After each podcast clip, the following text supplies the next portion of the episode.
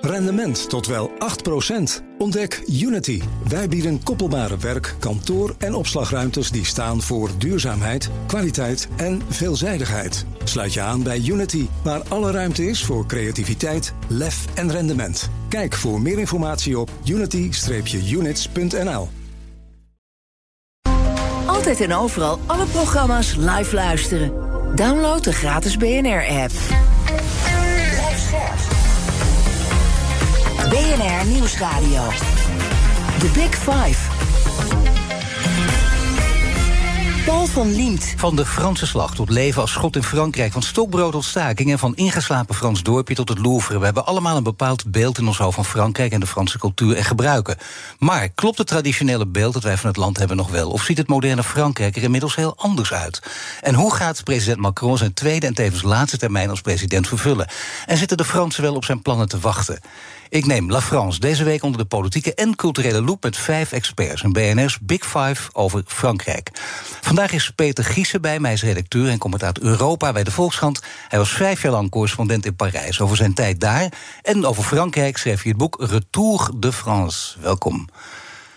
En we gaan elkaar inderdaad uh, tutoyeren, dat hebben we gewoon afgesproken. Zo, ja, zo'n koptelefoon Ja, is ook altijd weer winnen als je bij de kant werkt. Ik heb er helemaal geen zin in. en Zo. Je moet zelf maar weten of je hem opzet Ja. of niet. Maar straks komt er even wel een vraag voor je. Eerst even voordat we uitgebreid over jouw correspondentschap praten, wil ik twee dingen van je weten. De eerste is: is Macron inmiddels de belangrijkste leider in Europa? Of is hij vooral zelf degene die dat denkt? Eh, hij zal het zelf inderdaad wel denken. Ja. Ik vind wel dat hij eh, zeg maar inhoudelijk in Europa veel voor elkaar heeft gekregen. Eh, in 2017 heeft hij de bekende toespraak gehouden aan de Sorbonne. Waarin hij uiteenzette dat Europa volgens hem meer op eigen benen moest eh, staan. Op het gebied van veiligheid, eh, economie, eh, grondstoffen, nou, noem maar op. Hè. Dat zijn precies de dingen die nu allemaal spelen. Waar destijds veel landen toch eh, niks van wilden weten, omdat ze op de, op de wereldhandel eh, vertrouwden. En nu zie je toch dat dat besef dat Europa zich moet handhaven in een wereld die steeds vijandiger wordt. En met Amerika waar je niet echt van op aan kunt. Met China dat zich steeds assertiever en agressiever gaat opstellen. En dat het be- belangrijk is dat Europa ook zelf eh, dingen maakt en eh, zich verzekert van, van grondstoffen. Ehm, dat besef is wel echt eh, doorgedrongen. Dus in die zin eh, heeft hij eh, denk ik veel bereikt. Eh, het zijn wel allemaal dingen die nog allemaal in de praktijk waargemaakt moeten worden. Maar zo'n ideolo- ideologische slag heeft hij wel gewonnen, denk ik. Tegelijkertijd zie je dat zijn gezag natuurlijk echt is afgebrokkeld. En er wordt vaak gezegd in Brussel... je bent in Brussel even sterk als je thuis bent. Nou ja, eh, Macron is erg zwak op dit moment eh, thuis. Dus, Ja, nou ja, goed, hij heeft nog vier jaar om daar wat aan te doen. Daar gaan we straks eh, uitgebreider op door. En ten tweede, je hebt meer, heb je ooit gezegd in een ander interview... met de Britse cultuur dan met de Franse cultuur. En waarom ben je dan toch correspondent in Frankrijk? Ja, dat is, dat is gewoon puur toeval. Ehm, eerlijk gezegd, ik, ik had ooit eh, gesolliciteerd op Londen, maar ben toen niet geworden. En toen kon ik wel naar Frankrijk. Maar goed, ik heb nooit. eh, troostprijsje naar Frankrijk. Ja, het was een soort troostprijs Ja. inderdaad. Maar goed, ik heb er nooit spijt van gehad. Ik heb een fantastische tijd gehad daar. Nee, maar ik sprak jou net, dat vind ik heel mooi. Je zegt, je vond de mooiste tijd, zelfs als je nu terug... de mooiste tijd Ja, van je leven. Dat was echt de mooiste tijd eh, van mijn leven. Vijf jaar in Parijs gewoond. Ontzettend veel meegemaakt. Dat was ook de tijd van de aanslagen. Dat was natuurlijk wat minder leuk, maar ja, wel heel interessant. Ja, Charlie Hebdo, Bataclan. Charlie Hebdo. Bataclan. Ehm, de op- opkomst van Macron, die heb ik eh, toen eh, verslagen. Dat was een ge- geweldige verkiezingsrace. Er waren de gekste dingen gebeurden. Maar ook uiteindelijk Macron kwam bovendrijven. En eh, ja, in een klimaat van hoop. En eh, ik heb zelf daar ook heel positief over geschreven destijds. Ik kreeg ook wel kritische reacties van lezers. Van de, ja, je, je hemelt die, die, die vuige neoliberaal Macron eh, veel te veel op. Ja, de fanboy van, eh, van deze vuige die neoliberaal. En dat in de Volkskrant, dat kan Precies, allemaal toch niet. Dat is ook, heb je er later spijt van gekregen? Want je zag het bij Obama natuurlijk ook. Dat mensen zeggen, ja, Ja. maar wacht even, hoe dan ook. Ik snap het heel goed en dat je zoiets gaat voelen. Maar ja, je, het blijft een politicus en zo moet je er naar kijken. Ja, ja, nou ik geloof wel dat ik verstandig genoeg ben eh, geweest om destijds al eh een achterdeurtje open te laten. En eh, altijd maar bij te zetten van, nou ja, het is, hij moet het nog maar waarmaken. Het is ook wat ik toen al zag, was dat zijn boodschap vooral aantrekkelijk was voor hoger opgeleiden in de grote steden. En veel minder voor, voor mensen op het platteland of in de periferie. Nou goed, dat is natuurlijk ook wel gebleken. En ik heb de eerste opstand van de gele hesjes gehad.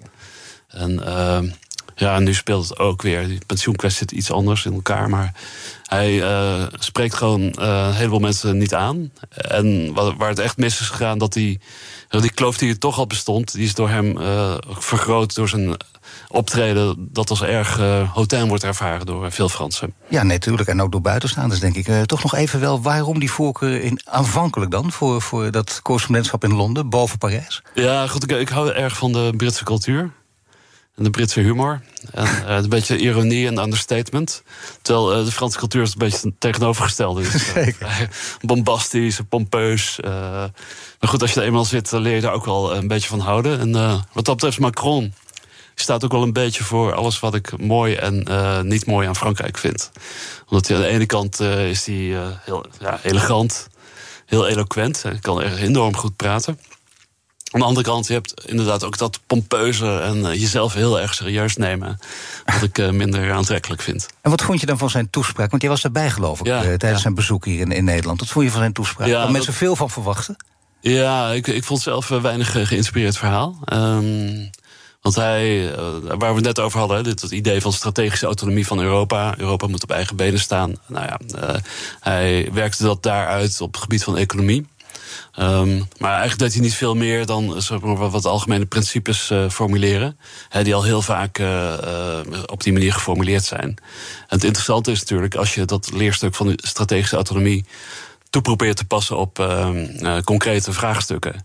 En uh, hij had het even daarvoor al gedaan op het gebied van veiligheid... met, uh, met zijn ongelukkige op opmerking over Taiwan. Ja, maar was het echt een ongelukkige opmerking? Want dat zeggen heel veel mensen, maar ik merk dat experts er wel over verschillen. Want hij heeft natuurlijk in zijn achterhoofd ook, wacht even... waarom zouden we achter die Amerikanen aanlopen? Want ondertussen, ja, ondertussen Amerika en China blijven enorm veel handel met elkaar voeren. Zelfs opgevoerd.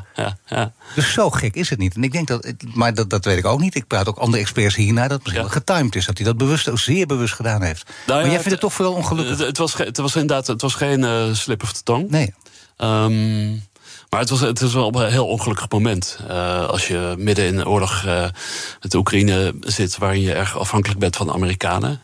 En um, die Republikeinse senator Marco Rubio die zei het ook meteen... van oké, okay, als jullie ons niet willen helpen met Taiwan, prima... Maar dan zoek je het zelf ook maar uit in uh, Oekraïne. Maar is dat niet dan gewoon de oude machtspolitiek die terugkomt? Dat hij denkt, ik zeg het juist op dit moment. Want ik wil gewoon laten merken dat wij wel degelijk een eigen koers varen. Dat we niet blind achter jullie aanlopen. Want ondertussen die waarschuwingen van Amerika over China... maar, maar zelf dus de mhm. handel opvoeren, dat ziet hij ook. Dus ja, dan mag je toch een statement terugmaken. Ja.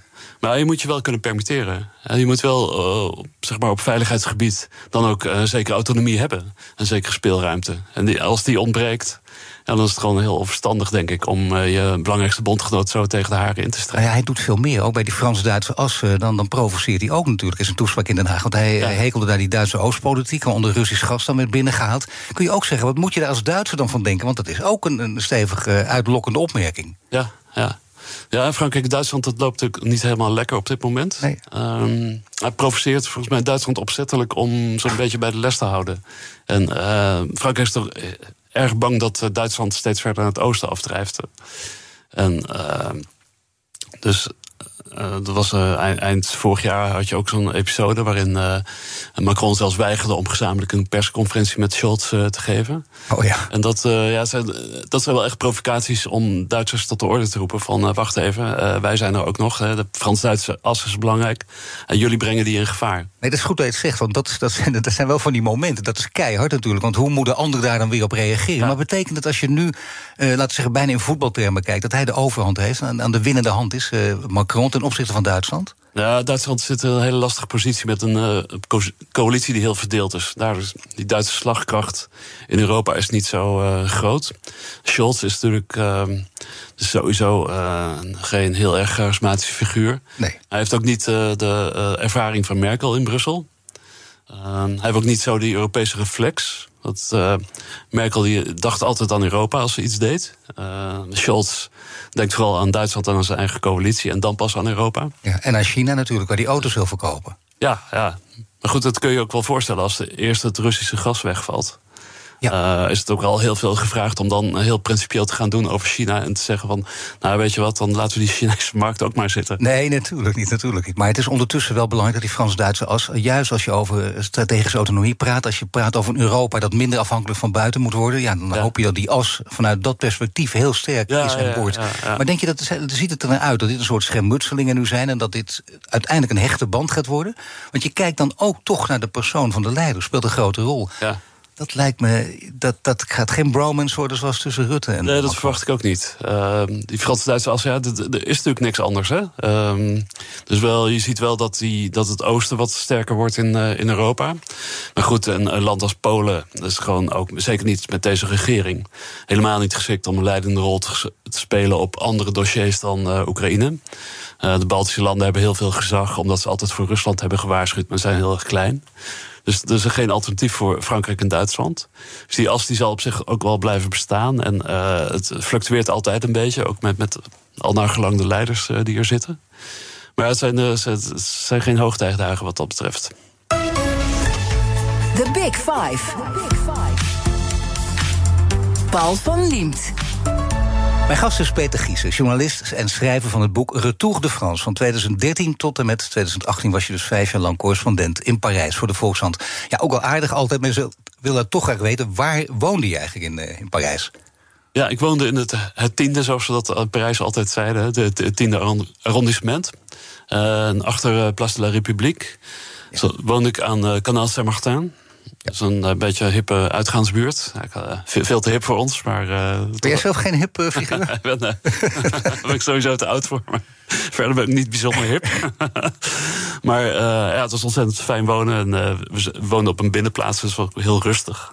En van daaruit stap je de hectiek van die stad in. Ja, en dan ook inderdaad heel veel meegemaakt. En begrijpelijk dat je daardoor gewoon. Ja, dat, dat je hart gewonnen wordt voor Frankrijk. Maar toch, als je jouw interviews hoort, jouw stukken ook leest over Frankrijk, altijd een beetje ambivalent. Aan de ene kant dus dit, positieve verhaal, aan de andere kant ook een, een enige meewarigheid die er misschien wel in doorklinkt. Of lees ik dat verkeerd? Een meewaardigheid uh, zou ik dan nog niet uh, bekeken. Over de somberheid, somberheid van de Fransen toch? Ja, nee, dat, dat, dat ja, daar heb je misschien wel gelijk in. Ja, dat, inderdaad, dus er zit een somberheid in dat land... Um, waar ze niet overheen lijken te komen. En uh, die leidt er onder andere toe dat ze zich enorm vastklampen aan verworven rechten. En dat is ook de grote mislukking van Macron in mijn ogen. Dat hij heeft echt geprobeerd om de mentaliteit van Frankrijk te veranderen en de psychologie van Frankrijk. En hij zei van ja, kijk, als mensen nou uh, niet meer bang zijn voor de toekomst. En ze krijgen vertrouwen in de Franse economie, vertrouwen in zichzelf. Dan krijg je een heel ander land. Waarin mensen gewoon veel flexibeler en ondernemender en energieker zijn. Ja. En dan is het ook niet meer zo belangrijk dat, dat, dat je een paar, paar jaar langer moet werken. Of dat er deze of gene regeling uh, wat, wat uh, verslechterd wordt. En dan zie je, kijk je gewoon met, met vertrouwen naar de toekomst. Dan denk je van, ik maak gewoon gebruik van de kansen die op me afkomen. Dat is ook een hele liberale houding. Uh, nou goed, die heeft hij geprobeerd om die wel enigszins door te voeren in Frankrijk. En ja, dat is natuurlijk grandioos mislukt. Dat, uh, nee, zeg maar, de, de, Franse graaf zich uh, alleen maar meer in dan, uh, dan voor, voor zijn tijd. Ja, grandioos mislukt. Dat is wel pijnlijk, want hij heeft nog vier jaar te gaan. En dat is helemaal ja. tegen zijn aard. Hij wil juist, hij is eerder iemand van: ik, ik mag nog vier jaar. Maar hij moet nu zelf bijna gaan denken: ik moet nog vier jaar. Wat wel heel vervelend is. dat het een kwestie van moeten is. Oh. Nou, je weet natuurlijk niet wat er gebeurt. Hè? Dat vier jaar is ook wel erg lang in de politiek. Hij lijkt juist nog enorm ambitieus. Hij probeert het toch wel. Dat hij zegt: Ik wil ook nog. Oké, okay, de pensioenen, dat is nu gelukt. Ik weet, het is heel vervelend. Ja. In die toespraak maandag. Maar ook ja. nee, toch weer hamer op onderwijs, zorg, arbeidsmarkt. Ja. Belasting omlaag. Allerlei grote plannen die hij ook nog wil doorvoeren. Ja, Maar goed, zijn uh, speelruimte is enorm beperkt. Hè. Het publieke imago is uh, sterk verslechterd. Uh, ja. Met de vakbonden ja, dus, kan hij op dit moment in ieder geval geen zaken doen. En ja, wat heel belangrijk is, is dat hij geen meerderheid in het parlement uh, heeft. Dus alles wat hij wil, daar moet hij een meerderheid voor vinden. En in de praktijk heb je daar het Rassemblement National van Le Pen, nou, daar kun je geen zaken mee doen. Kan hij in ieder geval geen zaken mee doen. Hetzelfde geldt voor links, de partij van ja. Mélenchon. Dus wat er eigenlijk overblijft is de, de Republikeinen. Het is de oude partij, eigenlijk de oude gaullisten van, van Sarkozy en Chirac. Die ontzettend, uh, ondertussen heel klein zijn geworden. Maar goed, die heeft hij nodig voor een meerderheid. En in de Franse cultuur past het gewoon helemaal niet om compromissen te sluiten met je tegenstanders op dossiers waar je het eigenlijk wel met elkaar eens bent. Dus die Republikeinen hebben ook die pensioenhervormingen tegengehouden. Terwijl ze zelf in de verkiezingscampagne voor uh, een verhoging tot 65 jaar uh, hebben gepleit. Maar dat is een hopeloze situatie waar ze in elkaars uh, netten verstrikt raken. Ja. Zou het beter zijn om dan uiteindelijk toch toe te gaan naar een nieuw Frans politiek systeem? Daar heb je natuurlijk vaker over geschreven. Ja, ja. Ja, dat wordt, vaak gezegd, een zesde republiek. Uh, dat zou dan uh, meer een parlementair stelsel uh, zijn, zoals in Nederland. wat minder geconcentreerd rond de president. ik denk zelf dat het beter zou zijn omdat je dan gedwongen bent om compromissen te sluiten. En ook omdat die, die president is eigenlijk een figuur die niet meer van deze tijd is. De figuur van de sterke president is ingevoerd door Charles de Gaulle hè, in het eind jaren 50. In een situatie waarin Frankrijk op de rand van burgeroorlog uh, uh, balanceerde. Vanwege de situatie in Algerije. En dat, uh, oorlog in Algerije ook. Um, dus op dat moment zei Charles de Gaulle: Oké, ik wil terugkomen. Maar dan wil ik wel alle bevoegdheden hebben. En nu zijn we 60 jaar verder ongeveer. en zit je in een hele andere situatie. Waarin je een, um, die president die heeft al ontzettend veel macht op papier. Maar juist daardoor trekt hij ook alle vuur naar zich toe. En uh, als hij minder populair wordt, dan uh, komt hij enorm uh, onder druk te staan. En dat heb je gezien met Sarkozy, Hollande en nu ook Macron. Dus het zou naar mij een idee inderdaad beter zijn om naar een parlementair stelsel te gaan. Waarin je uh, vanuit de samenleving worden partijen gekozen en die dan uh, het met elkaar eens moeten worden. Maar hoe, hoe maar, loopt de discussie daar in Frankrijk? Met andere woorden, is er enig draagvlak of zit er, zit er enige beweging in? Ja, dat is iets wat steeds terugkeert. Um, maar ik zie het eerlijk gezegd niet, uh, niet zo snel gebeuren. Omdat Fransen wel heel erg gehecht zijn aan het idee van de, de president. Nou ja, wordt al vaak gezegd, het republikeinse koning. Ja, en, nee, zeker. Nou, nee, wij zijn ook niet zomaar van het Koningshuis af. Ook al kun je naar de peilingen kijken en denk je, dit is het moment. Maar dan nog, dat gaat niet zo. Nee, dat, uh, nee, nee. Als je kijkt naar die, die, periode dat jij er was, ik noemde dat net, met Charlie Hebdo, met het Bataclan. En er gebeurde van alles natuurlijk. En uh, het ging natuurlijk heel veel over terrorisme en de islam en over IS. Uh, Beks en boeken, alles werd erbij gehaald. Maar IS uh, leek verslagen, maar komt nu toch weer terug. Speelt het in Parijs en Frankrijk ook een rol? Het valt mij op dat er heel weinig over gesproken wordt. Ja. Het is natuurlijk altijd wel op de achtergrond aanwezig. Ook ehm, op, in het onderwijs. En toen ook nog, het was niet zo lang geleden, die leraar die onthoofd werd. Dat was ook een hele schokkende affaire. Ook voor Frankrijk, ook het idee dat de juiste school die moet uh, Franse kinderen opvoeden tot republikeinse burgers. En als dan nou ja, de school zo in het hart wordt getroffen, dat uh, werd als een enorme schok ervaren. Uh, maar het is veel minder dan in uh, mijn tijd. Maar goed, dat geldt voor Nederland natuurlijk ook. Zelfs Wilders hoor je veel minder over de islam praten dan nou nee, maar je hoort wel natuurlijk de AIVD deze week ook weer met een rapport. En die zeggen, let op, de uh, IS komt ook weer terug. Ook in jouw krant vandaag, groot verhaal erover. Dus ik denk, ja, dan, dan speelt het hier wel. Er worden weer waarschuwende schoten afge, afgelost. Ja. Ja, goed, het zijn natuurlijk uh, golfbewegingen. En uh, ja, je moet niet verbaasd opkijken als het over twee, drie jaar weer een item is had je het net over het onderwijs en het, dat, uh, hoe, ontzettend belangrijk dat natuurlijk is ook. En als je naar het onderwijs kijkt, ja, dan zien we in Nederland uh, af en toe hebben we moeite, leraren, om om orde te houden in een klas. Dan gaat het altijd over hiërarchie. Hoe zit dat in Frankrijk? Want ons beeld van de Fransen blijft toch nog steeds van een sterke hiërarchische maatschappij. Met inderdaad die sterke president, ja. gaullistische president, maar ook aan de andere kant uh, natuurlijk gewoon in het bedrijfsleven. je moet heel goed weten waar je staat in de pikorde. Is dat nog steeds het geval? Ja. ja, het is natuurlijk zeker vergeleken met Nederland is een, een hele formele hiërarchische samenleving. Ja. En uh, het wordt ook al gezegd door mensen dat dat een van de verklaringen is voor het sombere. Zoals die somberheid van de Fransen. dat je uh, veel mensen vanaf jongs af aan op school uh, klein worden gehouden. en met een heel streng uh, onderwijssysteem dat heel weinig ruimte laat voor eigen initiatief. ik sprak een keer moeder die zei van ja, heb je, je hebt nog echt dictées, hè? Dat, op zich wel, wel goed is, vind ik. uh, maar goed, dan uh, gaan, gaan zo'n juf die ging dat dan nakijken. Uh, eenvoud en punt eraf. Toen ze bij de nul kwam, begon ze gewoon door te tellen. Uh, dus, uh, op een gegeven moment had het kind uh, min 40 voor een dicté. en zei, ja, het is zo demotiverend. Dat als je dan je best doet en je verbetert jezelf... ja, dan zit je misschien op min 20 of zo. Nee, het is feitelijk juist, maar het is vreselijk. Mijn gasten die stellen elkaar vragen via de kettingvraag. In de vorige aflevering was hier Rudy Westers... is oud-directeur van het Instituut Nederlanden in Parijs. En die had deze vraag voor jou. De rijkste man ter wereld van 2023 komt uit Frankrijk. Bernard Arnault, topman van het luxe concern concern LVMH. De rijkste vrouw ter wereld in 2023 komt ook uit Frankrijk. Françoise Bettencourt Meijers, de erfgename van het verzorgingsmerk L'Oréal. Vraag: hoe verklaart Peter Giesen dat de rijkste man en de rijkste vrouw ter wereld uh, nu juist in Frankrijk wonen? Is dat toeval of hebben ze een fijn uh, fiscaal klimaat? Nou, Peter Giesen, verklaar maar wat de reden is. Ja, God, het korte antwoord is dat uh, zeg maar, de tech-aandelen sterk zijn gezakt. Terwijl die luxe concerns zich ja, heel goede zaken hebben gedaan. En daardoor komt het dat de Amerikanen op die ranglijst hè, van de rijke mensen gezakt zijn en de, de Fransen gestegen. Dus wel interessant inderdaad dat fiscale klimaat. Want Macron heeft bij zijn aantreden heeft hij, de belasting op grote vermogens afgeschaft. En dat heeft sterk bijgedragen aan zijn ehm, imago als de president van de Rijken. Ja. Um, Waarom heeft hij dat gedaan? Nou, zijn verhaal was, kijk, uh, het levert gewoon van te weinig op. Want de rijke Fransen die gaan naar, uh, naar het buitenland. Hè, dan gaan naar, uh, Johnny Hallyday, de zanger, die uh, woonde in de Gestaat in Zwitserland. Ja. En zo waren het nog van, uh, Depardieu zat in, in Rusland, Charles Navour in Monaco. Hij zei, als, nou, als we die belasting nou afschaffen... dan blijven ze in Frankrijk en dan investeren ze ook in ons eigen land. Dus dat is veel beter. Ja, een rationeel argument, ehm, maar goed, met het sentiment doet het wat anders. Morgen dan praat ik eh, met, met Marcia van, die is aan de gast. Abonneer je op onze podcast via je favoriete podcastkanaal... om geen aflevering te missen. Ja, natuurlijk, Peter heeft nog veel vertellen. We horen het ook. Straks praat ik verder met Peter Gies. En dan gaat het over de Franse identiteit. Blijf luisteren. Rendement tot wel 8%.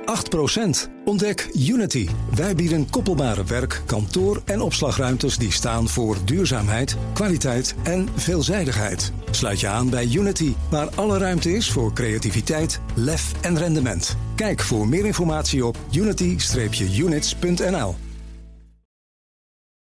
Transportreus van Stralen de Vries rijdt al 16 jaar met elektrische trucks. Daarmee mag het gerust een voorloper genoemd worden. Maar Erwin Keizer, projectmanager duurzaamheid, kijkt verder dan dat. Hij werkt aan lokale energiecoöperaties, transporthubs en samenwerkingen... die zorgen voor zo min mogelijk leegrijdkilometers. Je leest zijn verhaal op partner.fd.nl slash bp.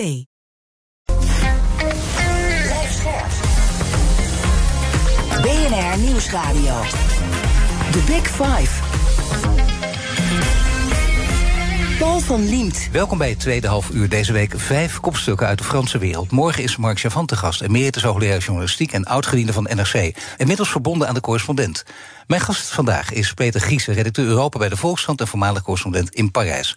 Komend half uur wil ik in ieder geval nog twee onderwerpen met je bespreken. Namelijk de toekomst van Frankrijk, uiteraard zou ik zeggen. En de Franse identiteit. Om met het laatste dan te beginnen. Je kwam aan in Frankrijk. Je kon van politieke partijen en actiegroepen geen telefoonnummers vinden. Wat eigenlijk wel vrij bijzonder is, want je werd geacht die mensen allemaal te kennen. Maar hoe zit het dan precies in Frankrijk? Want dat zijn van die harde lessen volgens mij die meteen aankomen. Ja, het de Franse samenleving is erg wantrouwig. Uh, dus ik, ik, sprak een keer een Nederlander die al tijd zat. Die zei ik tegen me van ja, maar uh, Fransman reageert nooit op een uh, mailtje van iemand die hij niet kent. Ja, is dat een beetje een generalisatie, maar het is wel zo dat uh, vaak wordt er niet gereageerd op mail. Als je dan gaat kijken, hoe kan ik iemand bereiken? Dan vind je op sites vind je bijvoorbeeld geen telefoonnummer. Alleen zo'n zo'n soort e-mailformulier, waarvan je zeker weet dat je nooit antwoord krijgt. Dus het is een beetje een, een samenleving waarin mensen in het begin wantrouwig zijn. Ook willen weten van uh, wat voor vlees ze in de kuip hebben. Dus als er een of andere uh, gekke Nederlander mailt met misschien ook nog een paar spelfouten of grammaticale fouten, dan denken ze van ja, dit hoeven we niet serieus te nemen. Um, Plus dat ze vinden dat, dat, als die Nederlander informatie wil of zo, dan moet, moet hij, maar moeite doen om te laten zien dat hij echt serieus is. Dus een beetje een, ja, een samenleving waar je tot, ja, tot je moet doordringen, zal ik maar zeggen. Maar toch vind ik het wel verbazingwekkend. Omdat als je namelijk vergelijkt met België... ik weet niet of het nu nog zo is... maar tot voor kort kon je gewoon daar eh, als journalist... ook uit Nederland gewoon met ministers bellen... om een afspraak te maken zonder tussenkomst van de secretaresse. Dat is pas gek als je dat voor het eerst meemaakt. En denk je nou, Frankrijk en België... Uh, katholieke ondergrond speelt een grote rol... dan daar kun je de verklaring dan niet in zoeken. Wat, wat, zou het dan wel zijn? Nee. Um, ja, het is een... Um er wordt wel gezegd dat uh, de Frank uh, Franse samenleving is hiërarchisch en autoritair. En dat heeft te maken met uh, de, ja, toch de erfenis van het katholicisme. is in België dan kennelijk niet zo, maar uh, Frankrijk speelt denk ik wel, wel een grote rol. Um, maar hoe kun jij dan vertrouwen winnen? Want dan ben je inderdaad die Nederland, die ook, hoe goed je de taal ook spreekt en schrijft, je zult het nooit op dat niveau kunnen. Dus ze zullen je toch altijd als, als de buitenstaander blijven beschouwen, altijd enige wantrouwen hebben. Wat doet hij met mijn informatie? Hoe heb je toch vertrouwen kunnen winnen? Ja, nou, uiteindelijk, uh, ik, ik, ik, weet ook niet precies hoe het gegaan is. Maar het gekke is dat je, terwijl je zelf denkt van, nou, ik doe nog steeds hetzelfde. van in mijn mails of mijn manier van mensen benaderen. naarmate je langer zit, gaat het toch wat makkelijker. En dat is waarschijnlijk toch een kwestie van dat je toch de codes onwillekeurig beter beheerst. Zonder dat je het zelf nou zo in de gaten hebt. Heb je die codes kunnen doorgronden? Want je ziet dat wel, dat werkt natuurlijk heel goed. Als je echt letterlijk het kan. Iets begrijpen vind ik nog anders dan doorgronden. Want als je dat eenmaal kan, ja, dan, dan ja. als een vis in het water. Ja. Nou, ik geloof niet dat ik nou uh, het helemaal uh, doorgrond heb wat dat betreft hoor. Uh, ik ben toch altijd, me altijd echt ontzettend Nederlands gevoeld in, in Frankrijk. Maar wat betekent dat ontzettend Nederlands voelen? Mensen kunnen zeggen, ik weet nog wel in het begin ook, voor de allereerste keer dat ik als studentje daar in Frankrijk, dan voel je toch altijd ook wat lomper. Iedereen is echt eleganter, hoe dan ook, vriendelijke, beschaafder tegen elkaar. Dat was je niet op die manier gewend, in ieder geval. Dat, dat, dat soort dingen blijven altijd spelen. Dat soort... Ja, ja, ja, ja, ja. ja ook een zekere elegantie. Hè? Je, je kunt je beste pak aan, aandoen en dan sta je naast de Fransman. Dan voel je toch altijd een beetje verkreukeld. Ja. ja, dat blijft hoe dan ook. Ja. Of heb je daar gewoon uh, toch een uh, flinke stap in kunnen zetten? dat je op de redactie opeens kwam en denken, wat is er met Peter gebeurd? Met een kledingbudget, ja. ja. Nee, nee, dat, uh, ja, ik, op de een of andere manier lukt me het toch nou ja, ik vond het zo mooi dat jij in een paar stukken... en dat datzelfde woordje, ik weet niet of het toeval is... of dat, dat mijn oog erop viel, maar dat jij een paar keer in stukken... Eh, terugkijkend, terugblikkend over de Fransen zegt... Uh, ik ben ze altijd als raar blijven zien. Oh, ja. Beetje raar. Raar, ja. Nou, raar in de zin van, van anders. Dan, van anders. Ja. Ja, je hebt ook, ook grapjes en zo. Dat is natuurlijk sowieso het moeilijkste wat er is in een andere taal. Hè? Dat, ja. Uh, ja. grappen en met name woordgrappen. ja, je voelt je altijd een soort afstand. En op de een manier is dat met Fransen ook wel wat meer dan met uh, Engelsen of met Duitsers. Ja, het is wel heel lastig, want het is natuurlijk de manier, zeker voor ons journalisten, om het ijs te breken. Ja. Als je met wie dan ook zit, dan lukt het misschien een beetje. Dat, dat is, had je daar iets voor gevonden? Of is dat, dacht je van, dan moet ik niet eens proberen? Dat werkt gewoon niet. Nee, nee dat uh, grappen maken deed ik niet zoveel daar. dat, uh, in, uh, in Frankrijk heb je een uh, vrij hoge levensstandaard. Hè? Als we toch kijken naar al die, uh, ja. die atlassen die je hebt. Ook een Gail Brulé heeft dat geschreven in zijn geografie van geluk. En toch zijn ze vrij ongelukkig. Altijd toch weer die twee tegenstellingen. Ja. Dat, dat is best vreemd. Ja.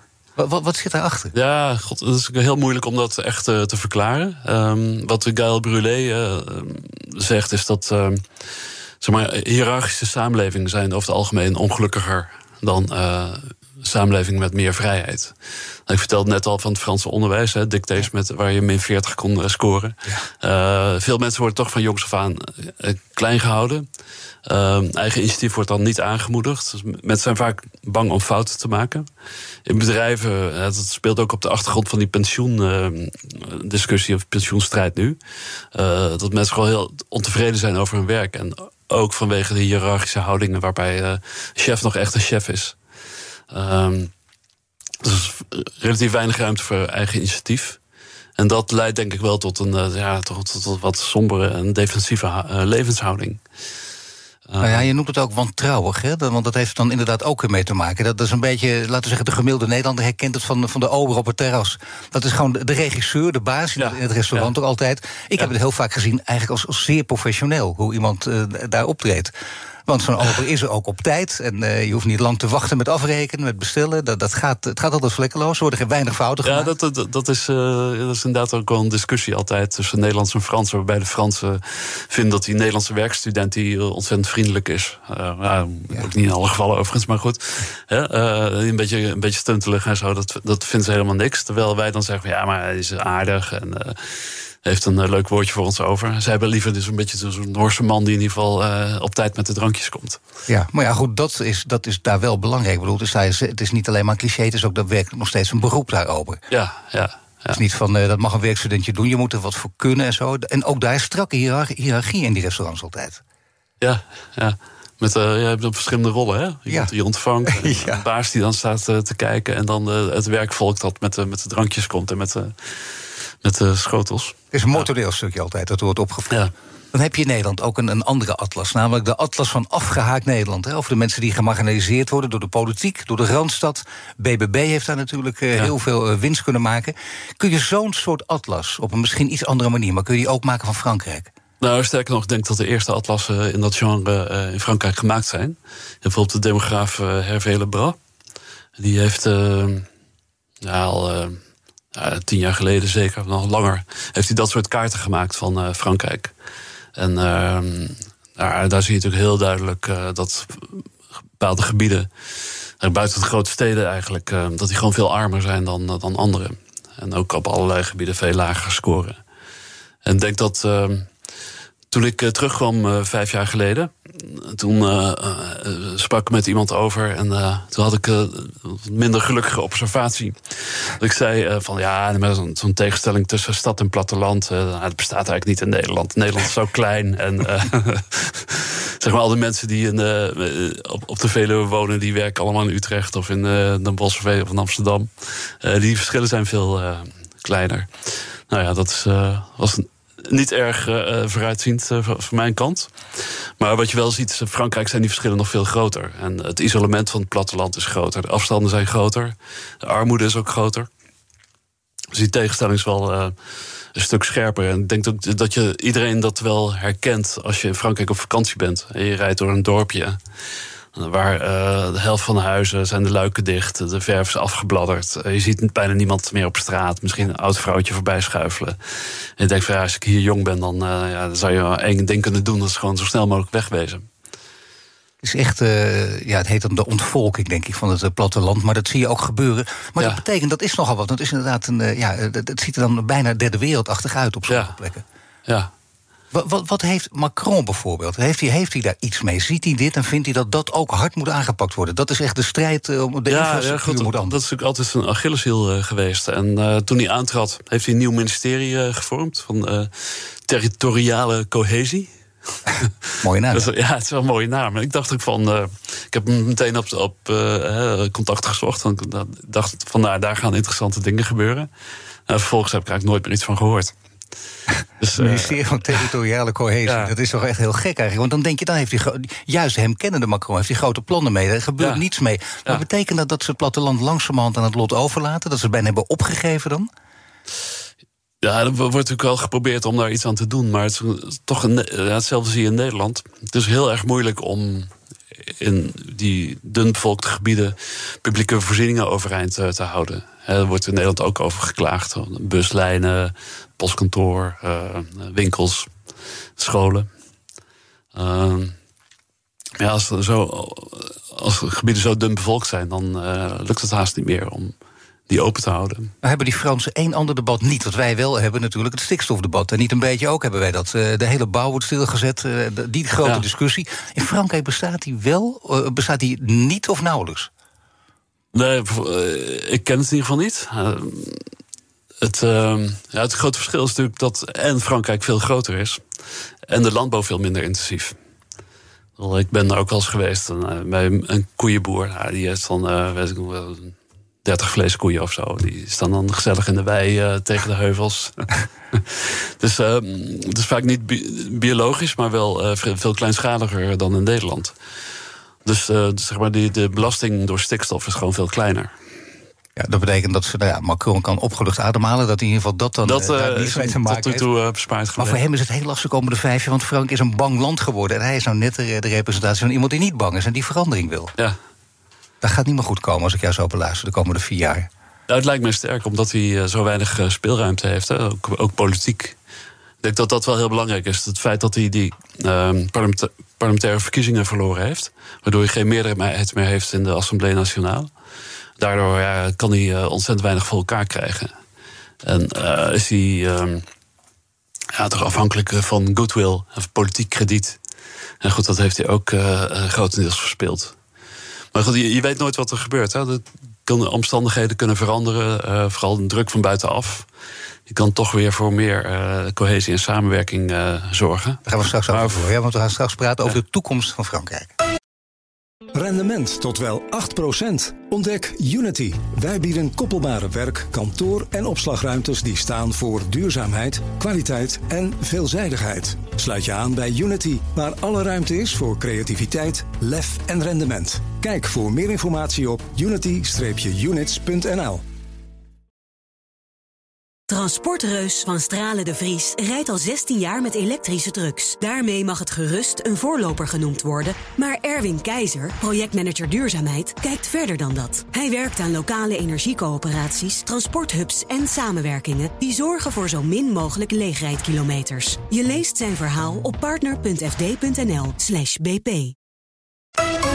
BNR Nieuwsradio. The Big Five.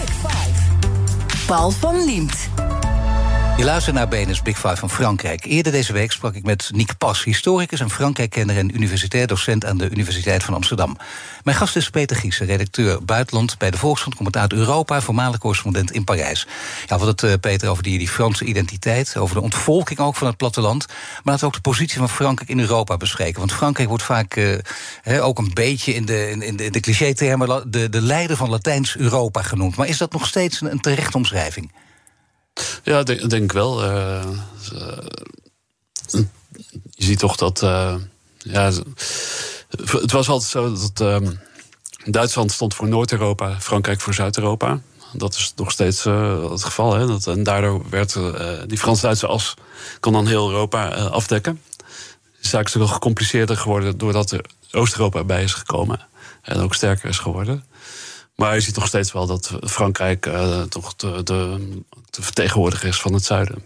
Zeker, dat betekent dus ook uh, dat uh, naar economie wordt gekeken, naar politiek wordt gekeken. Voor Frankrijk is het in ieder geval heel duidelijk politiek boven economie. Althans, zo ja. is het altijd geweest. Ja. En zo is het nog steeds ook onder Macron en zo zal het ook blijven. Ja, kijk, Macron is vaak neoliberaal genoemd. dat is volgens mij niet terecht. Hij is wel liberaal, maar hij is echt een Franse liberaal. Die is, toch een hele belangrijke rol ziet weggelegd voor een sturende staat. En uh, dat is ook zijn Europese uh, inzet.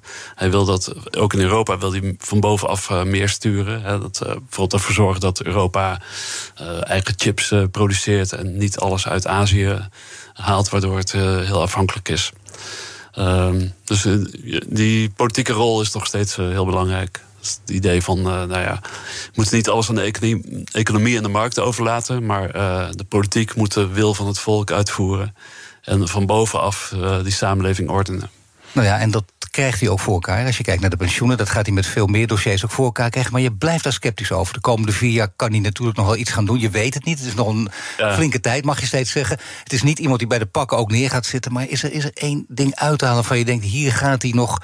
Hier gaat hij ons misschien wel allemaal verbazen. Want hier liggen wel mogelijkheden voor hem. Nou, ik, ik, zit ook te kijken. Ik, uh, belasting verlagen, ja, dat is, maar dat, dat is, dat ja, is niet, niet echt verhaal. Nee, maar ja, de Franse staatsschuld is nu geloof ik 113 procent. Ja. Uh, van het BBP. Dus nou, zoveel ruimte voor belastingverlaging is er ook weer niet, uh, zou ik zeggen. Um, hij heeft, uh, in die toespraak heeft hij gezegd van dat nu 100 dagen aankomen, hè, waarin hij een soort relance, opnieuw begin van zijn presidentschap wil bewerkstelligen. Ik vind die 100 dagen vind ik een hele wonderlijke woordkeuze, omdat die. Het wordt wel vaker gezegd voor de, de beginperiode van een nieuwe regering. Uh, en dat is al een beetje gek als je er zes jaar zit.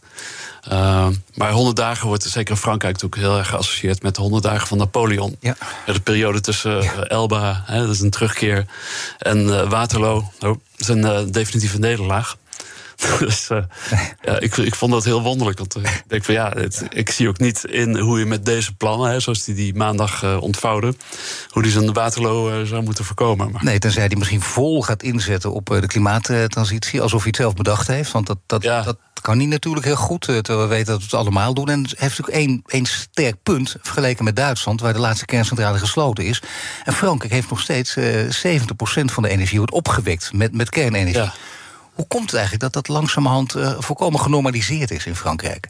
Ja, dat heeft een politieke reden. Uh, in Frankrijk uh, dan zie je toch weer dat punt van die strategische autonomie, wat een heel oud uh, Frans punt is.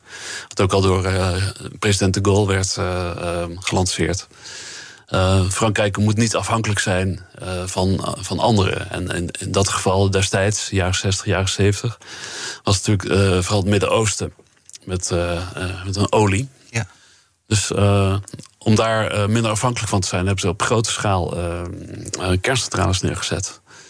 En daar profiteren ze nu wel van. Ik vraag me wel af of dat ook geen problemen gaat opleveren. Want ik weet dat ik er toen zat. Ehm, en toen gesproken met mensen uit die kerncentrale wereld. Die zeiden van ja, god, die centrales zijn allemaal zo eind jaren 60, begin jaren 70 neergezet. En een goede tijd toen de staatsschuld laag was en er veel geld was. Ja. Nou beginnen ze toch allemaal een beetje op een einde te lopen. qua levensduur. En daar wordt er allemaal op gekalifaterd en de levensduur wordt verlengd. Maar op een gegeven moment zijn natuurlijk wel enorme investeringen nodig. Ja. Die, uh, nou ja, goed, misschien heeft hij, heeft hij één voordeel, namelijk uh, de, de nadruk nu op industriebeleid in het, in het verlengde hiervan. Want dat, dat is terug van weg geweest, in ieder geval in Amerika tot vele verbazingen. Ze kunnen ook niet anders door, door de nieuwe verhoudingen in de wereld. Mhm. In Nederland ook, kleine Nederland, maar je ziet het ook bij Van der Leyen, Macron kunnen daar gezamenlijk in optrekken. Is, is dat iets waar hij dan misschien wel echt, uh, laten we zeggen, een, een grote zegen kan behalen? Ja, dat is wel iets waar hij in ieder geval in Europa uh, punten mee kan scoren. Dat is toch een Frans punt wat uh, steeds meer uh, weerklank vindt. Maar ik zie nog niet 1, 2, 3 hoe hij daar in eigen land echt van kan profiteren. Het is wel altijd zijn, zijn beleid geweest. Van, ja, Frankrijk moet een leidende rol spelen in Europa. En Fransen vinden dat mooi, hè, als Frank Frankrijk als een soort uh, trotse natie die uh, gewoon de hele wereld een, een, leidende rol speelt. En dan, hij dacht van ja, als ik dat voor elkaar krijg, dan kan ik daar ook weer electoraal van profiteren. Goed, hij heeft een, zijn Europees beleid vrij succesvol geweest, maar het heeft niet geleid tot uh, enige waardering in uh, eigen land uh, tot nu toe. Nou ja, en dat betekent dat er toch enige, met enige angst en beven naar de toekomst wordt gekeken. 2027 is ook weer dichtbij ja. natuurlijk. Dan moet hij weg, hoe dan ook, want dan ja. heeft hij daar zijn termijnen zitten erop. En hij heeft natuurlijk een, een, beweging, wat die Fransen vaker doen, een beweging om hem heen gecreëerd. je zou zeggen, zijn er mensen die, die, die hem op dat gebied kunnen opvolgen, of, of nieuwe, laten we zeggen, nieuwe helden die, eh, die aan de horizon eh, kunnen opdoemen? Of wordt het toch echt een strijd tussen Le Pen en wie dan ook? En, en zij gaat met gemak winnen? Uh, nou, dat Le Pen uh, met gemak zal winnen, dat uh, zie ik niet gebeuren. Ja, ze zit op boven de 40 procent. Ja, ja. En de pijlen nog hoger. Ja, ja. Maar, maar goed, uh, nou oké, okay, met Le Pen te beginnen, dat, dat, op zich is dat natuurlijk toch wel echt onrustbarend. Ik, ik heb zelf de verkiezingen van 2017 meegemaakt. Toen scoorde ze 33 procent. En toen werd er al gezegd: van, ja, dat bestaat toch eigenlijk niet, hè? Zo, zo hoog. Dat uh, ongelooflijk. Um, ze deed toen in de campagne heel slecht. Dus het idee was wel van, nou, die is, uh, gewoon, dat is gewoon afgelopen met haar. Het is gewoon iemand die niet president, presidentiabel is. Uh, maar goed, nou heeft in 2022 haalt ze 41 procent. Dat is toch veel hoger. En de vraag is inderdaad van, uh, hoe, hoe gaat het de volgende keer? En dat, het is wel heel gevaarlijk. Dat het moment dat Le Pen kan winnen, komt wel naderbij. Ik denk dat toch heel veel mensen op het uh, laatste moment ervoor zullen terugschikken. Maar goed. Um, ja, dat dachten mensen inderdaad in Amerika, maar Trump ook. Maar dat is een ja. andere discussie. Mijn ja, gasten stel ik af vragen via de kettingvragen. Jij mag een korte, bondige vraag stellen aan de volgende gast. Mark Chavan, oud-gediende van NRC, senior correspondent bij de correspondent. Wat wil jij aan hem vragen? Ja, Mark, in het uh, jaar 2000 uh, schreef je het boek Frankrijk achter de schermen. Uh, waarin je Frankrijk beschreef als een land dat weliswaar vasthoudt aan zijn tradities. Maar ook, als, dan citeer ik even, een reizende economische ster die afrekent met staatskapitalisme zonder kapitaal en de al te vertrouwde corruptie. Het is een vrij optimistisch beeld over een Frankrijk dat uh, zichzelf moderniseert. En ik ben benieuwd hoe je terugkijkt op dat moment en op de afgelopen twintig jaar, hè, wat er sindsdien gebeurd is. Hoe beoordeel je die ontwikkeling? Nou, die vraag wordt mooi beantwoord. Dankjewel, Peter Giesen, voormalig correspondent in Parijs... en schrijver van het boek Retour de France. Alle afleveringen van BNS Big Five zijn terug te luisteren. Abonneer je op onze podcast via onze app of je favoriete podcastkanaal... om geen aflevering te missen. En nu Iwan Verrips met BNR Breekt. Dag. Rendement tot wel 8%. Ontdek Unity. Wij bieden koppelbare werk, kantoor en opslagruimtes die staan voor duurzaamheid, kwaliteit en veelzijdigheid. Sluit je aan bij Unity, waar alle ruimte is voor creativiteit, lef en rendement. Kijk voor meer informatie op unity-units.nl.